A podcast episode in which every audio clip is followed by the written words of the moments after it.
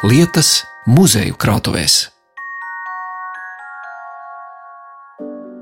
Mode atspoguļo mūsu laiku.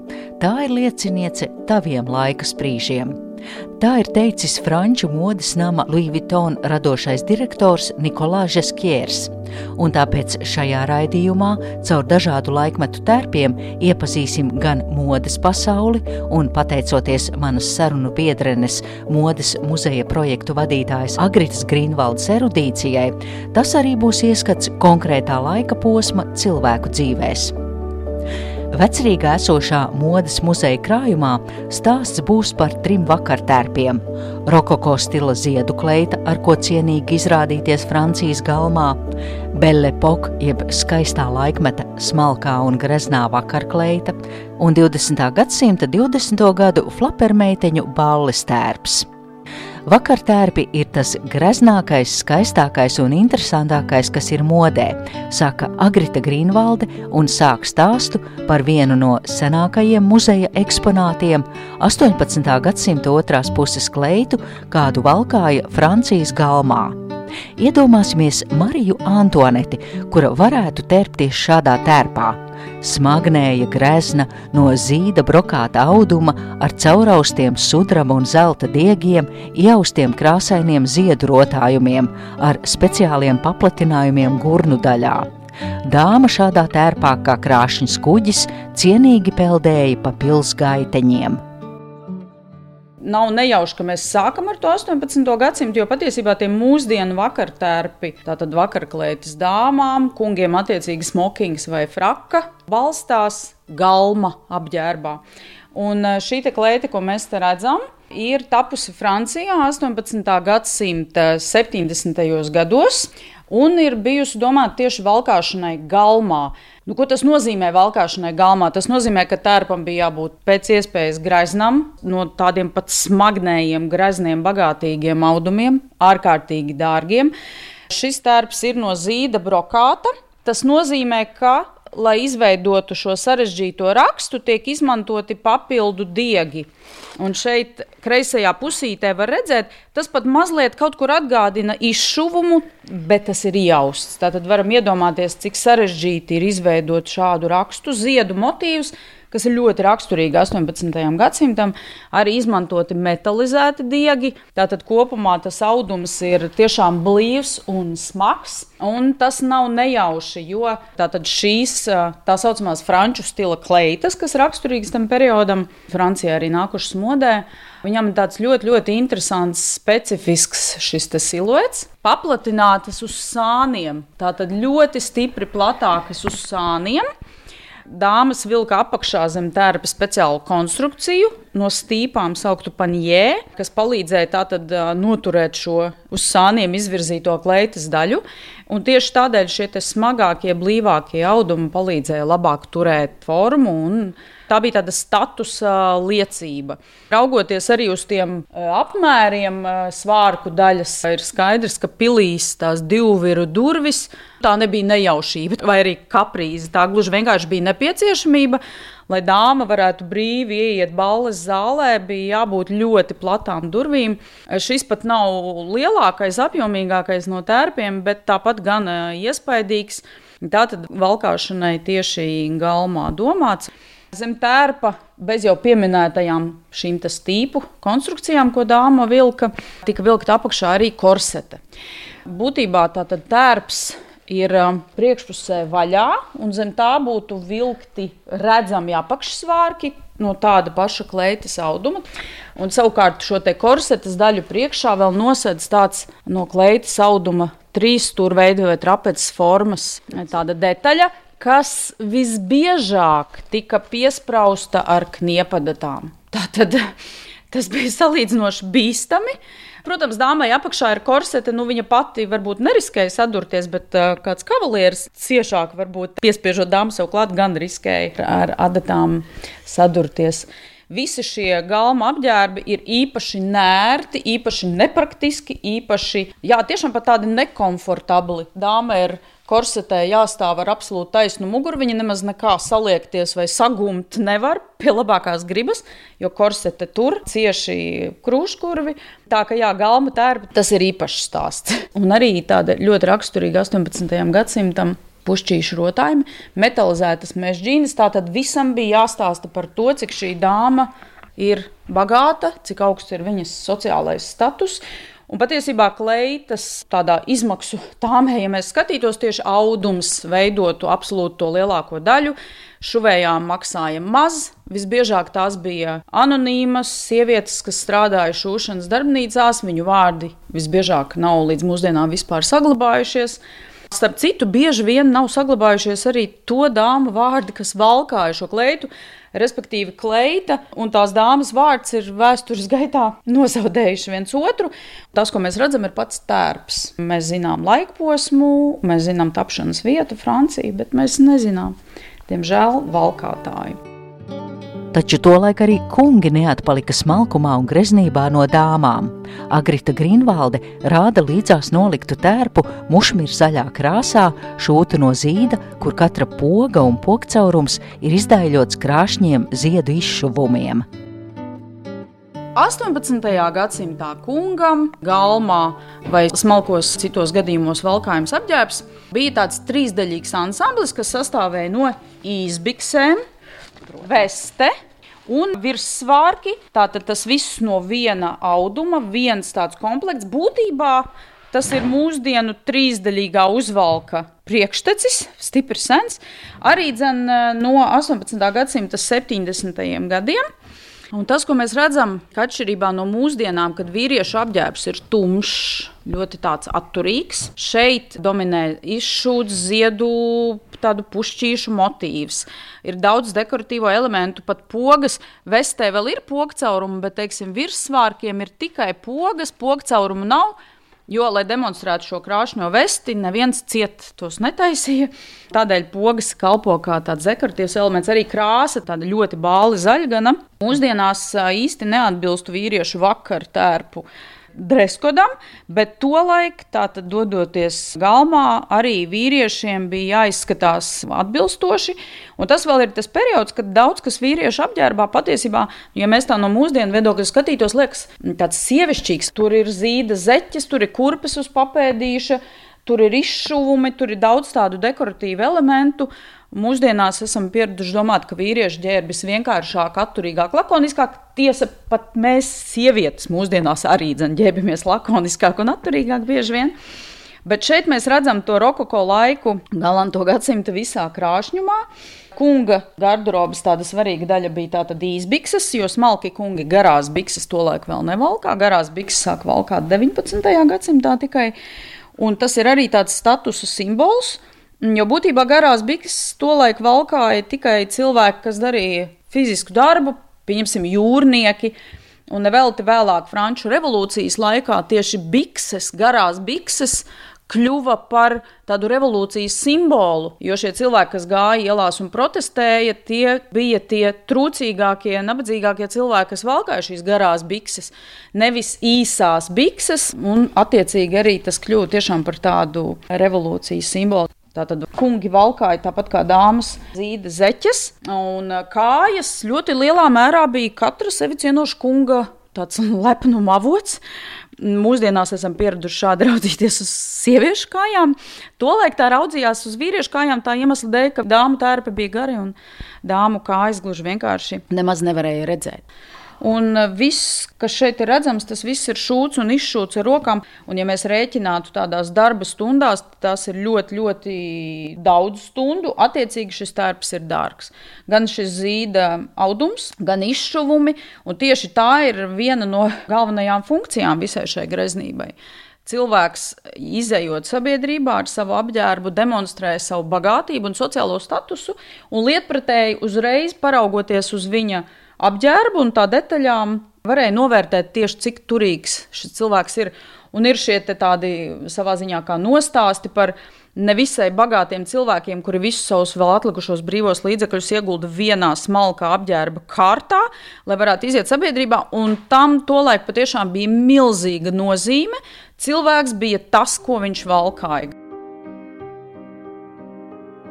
Tik tālu stāsts par rokoko stila tērpiem, bet tagad pievēršamies Belle Epoque, jeb skaistajam laikmetam, kas valdīja Eiropā no 1870. gadiem līdz Pirmā pasaules kara sākumam. Laika posms, ko raksturoja miers, ekonomiska labklājība, tehnoloģiskie, zinātnes un kultūras jauninājumi. Par šo laiku stāsta jugendstila ziloņkaula krāsas zīda balles kleita ar melniem mežģīņu un pērlīšu izšuvumiem. Pasakains tērps, kas kaunā atstātu visas pelnrušķītas, dusošās skaistules, sniegbaltītes un citas populāras pasaku daļavas ar viņu greznajiem tērpiem. Kopā ar kleitu arī neliels ieskats tās atjaunotāju darbā. Labdien! Un šeit mēs ienākam pie apģērbu restauratoriem. Restaurēšanas daļnīcā, jā, kur strādā mūsu brīnišķīgās restaurators, bez kurām neviena mūsu izstāde nebūtu iespējama. Jo īpaši, kas attiecas uz senākiem tērpiem, tie tomēr prasa darbu, pirms tos var eksponēt. Un, eh, turpinot stāstu par vakartērpu evolūciju, nākamais mūsu tērps ir no 1900. gada. Fantastiska balles kleita no ziloņkaula krāsas zīda. Un tad ir tādi ļoti bagātīgi rotājumi. Tur ir melnas mežģīnas, divu toņu samts, pērlītes, akmentiņi, tāds ļoti sarežģīts augu motīvs izšūts balles, jeb vakara kleita, pie kuras mūsu restaurātore Naģēža Dignatāna strādāja. Pirms eh, mēs šo kleitu rādījām vienā no savām izstādēm, un strādā vēl joprojām. Tas ir šķiet nebeidzamais darbs un nebeidzamais projekts. Ļoti, ļoti sarežģīts tērps, kas turpina šo tēmu par tērpu kā statusa demonstrētāju, jo šādu kleitu varēja atļauties tikai ārkārtīgi bagāta dāma. Tērps, protams, tolaik tika šūts pēc mēra, tātad konkrētai sievietei. Zem tērpa tika vilkta apakšā korsete joprojām vēl. Un šeit mēs redzam arī tādu brīnišķīgu, ļoti skaistu pagarinātu velci. Pagarināta velci, jeb trēns. Un šim tērpam, kas ir interesanti, garās vīles jau ir šūtas ar šūnu mašīnu. Bet viss tas, kas ir apdarē un iebura daļa, kas ir tāds sarežģītāks, tas joprojām ir roku darbs. Cik to pērlīšu nu, veidu diametrs ir mazāko, cik milimetri? Maziņš. Mums nācās speciāls adatas pasūtīt, meklēt internetā, lai vispār varētu to piešūt un restaurēt tad varam iedomāties, ja šis tēps ir viscaur šādi izšūts, cik darba stundas tas prasīja. Neticami smalks darbs. Un būtībā mēs te varam pieskarties 1900. gada roku darbam. Cilvēki to ir šūši ar rokām. Es domāju, ka vairākas noteikti izšuvējušas, ir strādājušas stundām ilgi pie šī tērpa, lai viņš būtu tāds, kāds ir, un dāma varētu aiziet uz balli. Un tērpam pēc tam visticamāk ir bijusi otrā dzīve. Tātad, pēc kā to var spriest? Uh, tur ir tāds noslēpums. Augšā ņēbura daļā ir iešūta daļa, kas rāda, ka dāma ir bijusi lielāka, lielāka izmēra. Un šī daļa ir iešūta klāt uz muguras.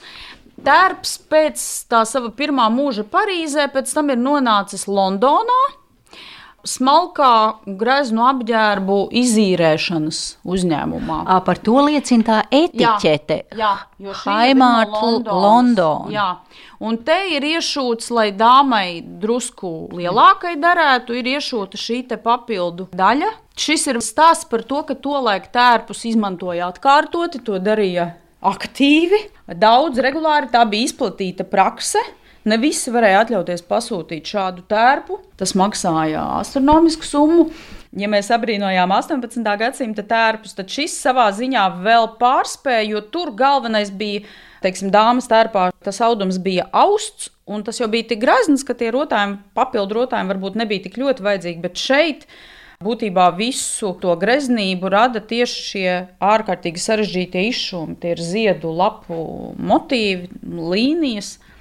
Nu, neskaitāmi elementi. Tur ir izmantoti vairāki materiāli, dažādi, dažādu veidu diegi, dažādu veidu akmentiņi, lielāki, mazāki.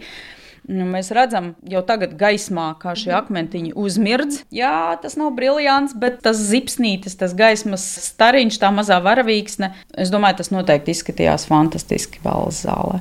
Parīzes šuvēju un izšuvēju tāds meistardarbs. Augstā dziesma. Jā. jā. Labi, tagad šeit es saprotu, ir elektriskais apgaismojums, ir jau arī droši vien nu, palielināmie stikli, ir arī optika, gājus uz priekšu, var brilles piemeklēt, bet kā to laik? Šuvējs, izšuvējs, pamatīgi bojāja redzi. Ja bija tērps jāpabeidz, strādāja arī naktīs, un te par tām pašām smalkākajām pērlītēm, nu tur es pat nezinu, ērgļa redzi vai kādu vēl redzi vajag, lai spētu to visu izšūt. Vai es drīkstu Jā, jautājumu meistarei uzdot? Jo man Droši. interesē, cik ilgi jūs varat nosēdēt un izšūt. Tas taču ir tik, tik filigrāns darbs, kā jūsu pirksti un acis jūtas pēc Bezgalīgi. Tāpēc es vispār aizmirstu par laiku. Tāpēc, ka man tiešām tā kā meditācija, fantastisks darbs. Es varu, nu, nezinu, sēdēt un sēdēt un strādāt un strādāt. Un pēc tam es domāju, ka vai man jau nekustas, nezinu, mugura nekas. Bet tas ir to, kā meditāciju uztverat. me, vairāk nekā meditācija. Vairāk, vairāk. Tur vajag milzīgu pacietību, un tas ir īstenībā restaurātora laikam tā galvenā īpašība, kas ir nepieciešama, jo viss mūsu restaurators ir vienkārši ar satriecošu pacietību. Visus tos smalkos smalkumiņus šūt, izšūt, atjaunot, apšūt, jo tur, kur ir bijis roku darbs, tam arī tagad ir jābūt roku darbam, tur neko citu nevar likt vietā. Cik ilgs laiks paiet? Vienas šādas kleitas restaurācijai. Šī kleita var būt pusgada, ne mazāk, ne mazāk. Bet ādata, es skatos, tā nav tā kā mēs saprotam, parastā lāpā ādata. Tā ir nu tāda mata biezuma ādata. Jā. Mata smalkumā. Izmērs, jā, 15. izmērs. Smalkāk jau nav pasaulē, un mēs strādājam ar šo. Restaurātori Naģežda Ignatāne rāda stikla trauciņā ieliktas pērles, kas tiks piešūtas trukstošajās vietās minētajai balles kleitai. Mazākā no pērlītēm ir mannas graudiņa lielumā, un, ja jums ir pieejams internets, tad aicinu palūkoties radio mājaslapā pie šī raidījuma ievietotajiem attēliem. Gan uz kleitu, gan tūplānā aplūkot grezno izšuvumu detaļas.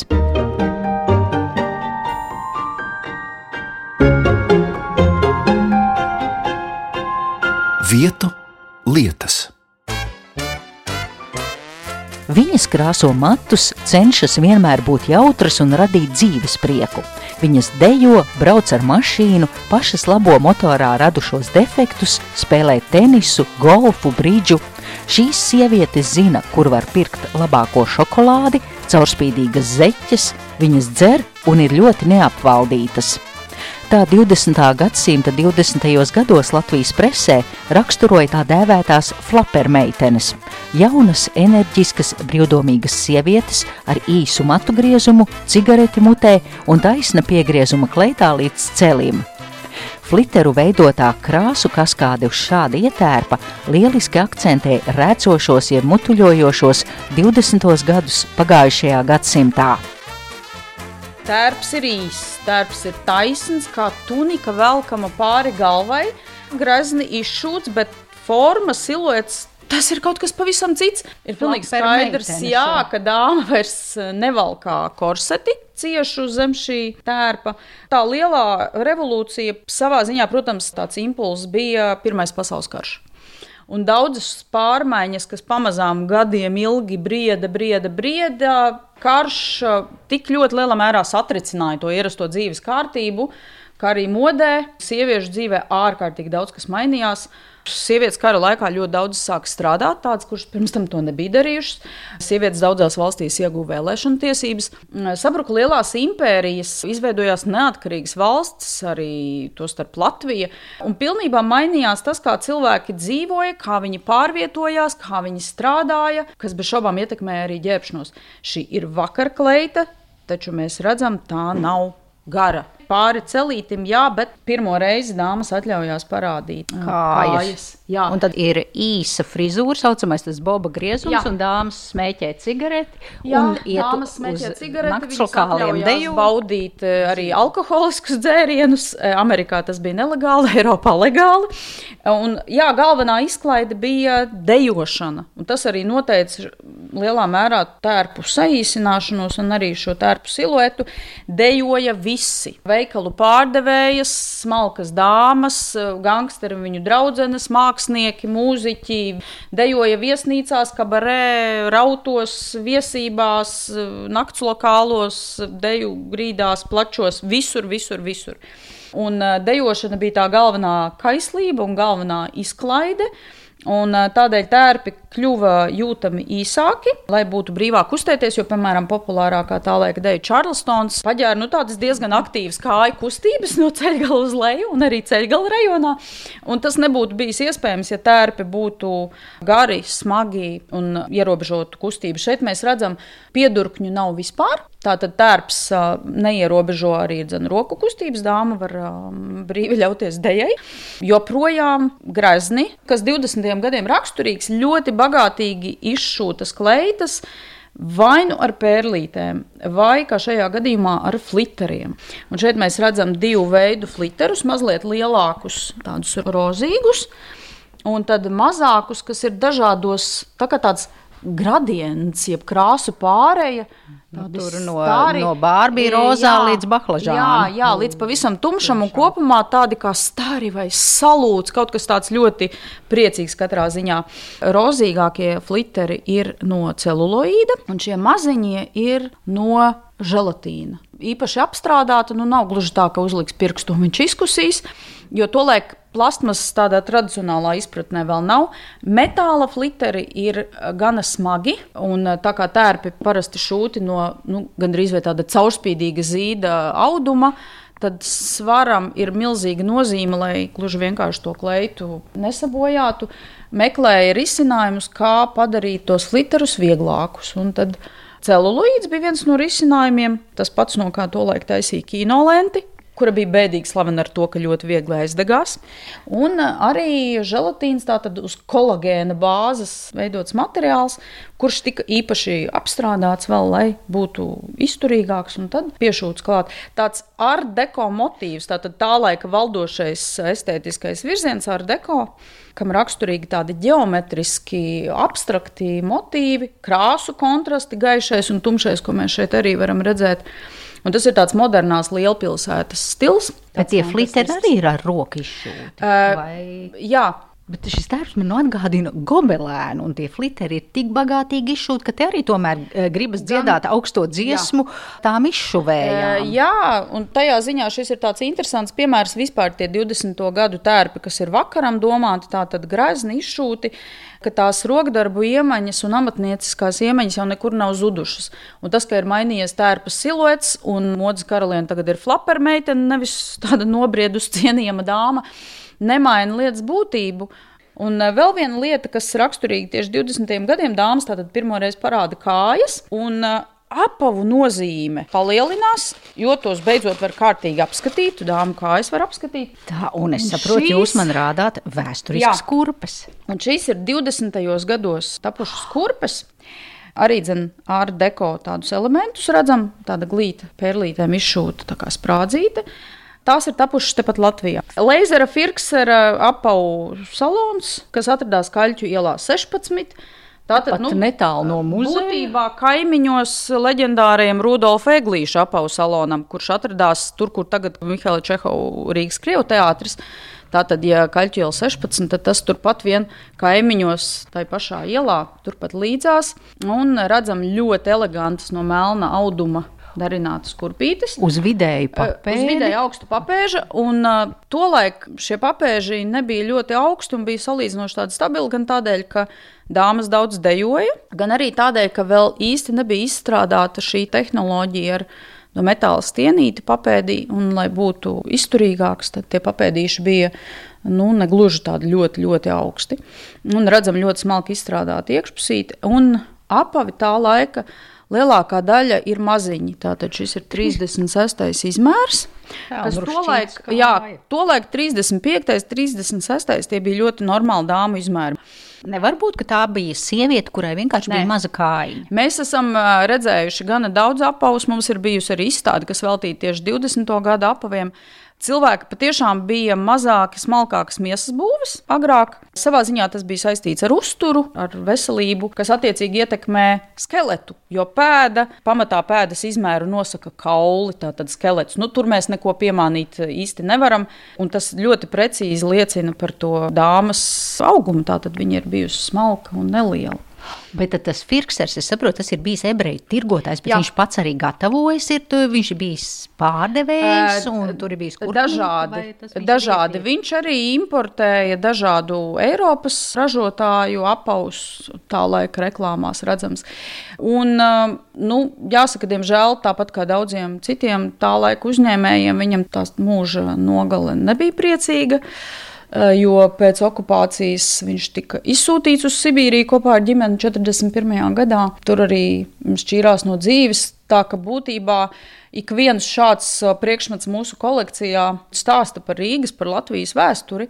Mums tieši šie Latvijas, Rīgas priekšmeti ir īpaši svarīgi, jo daudz kas varbūt nav vairs saglabājies, diemžēl, bet tas, kas ir saglabājies, nu, mēs esam priecīgi dot šīm lietām vēl otro dzīvi muzejā un rādīt.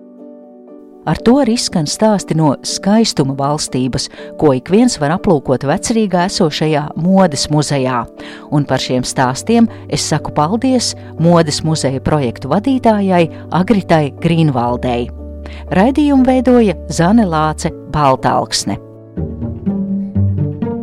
Vietu lietas.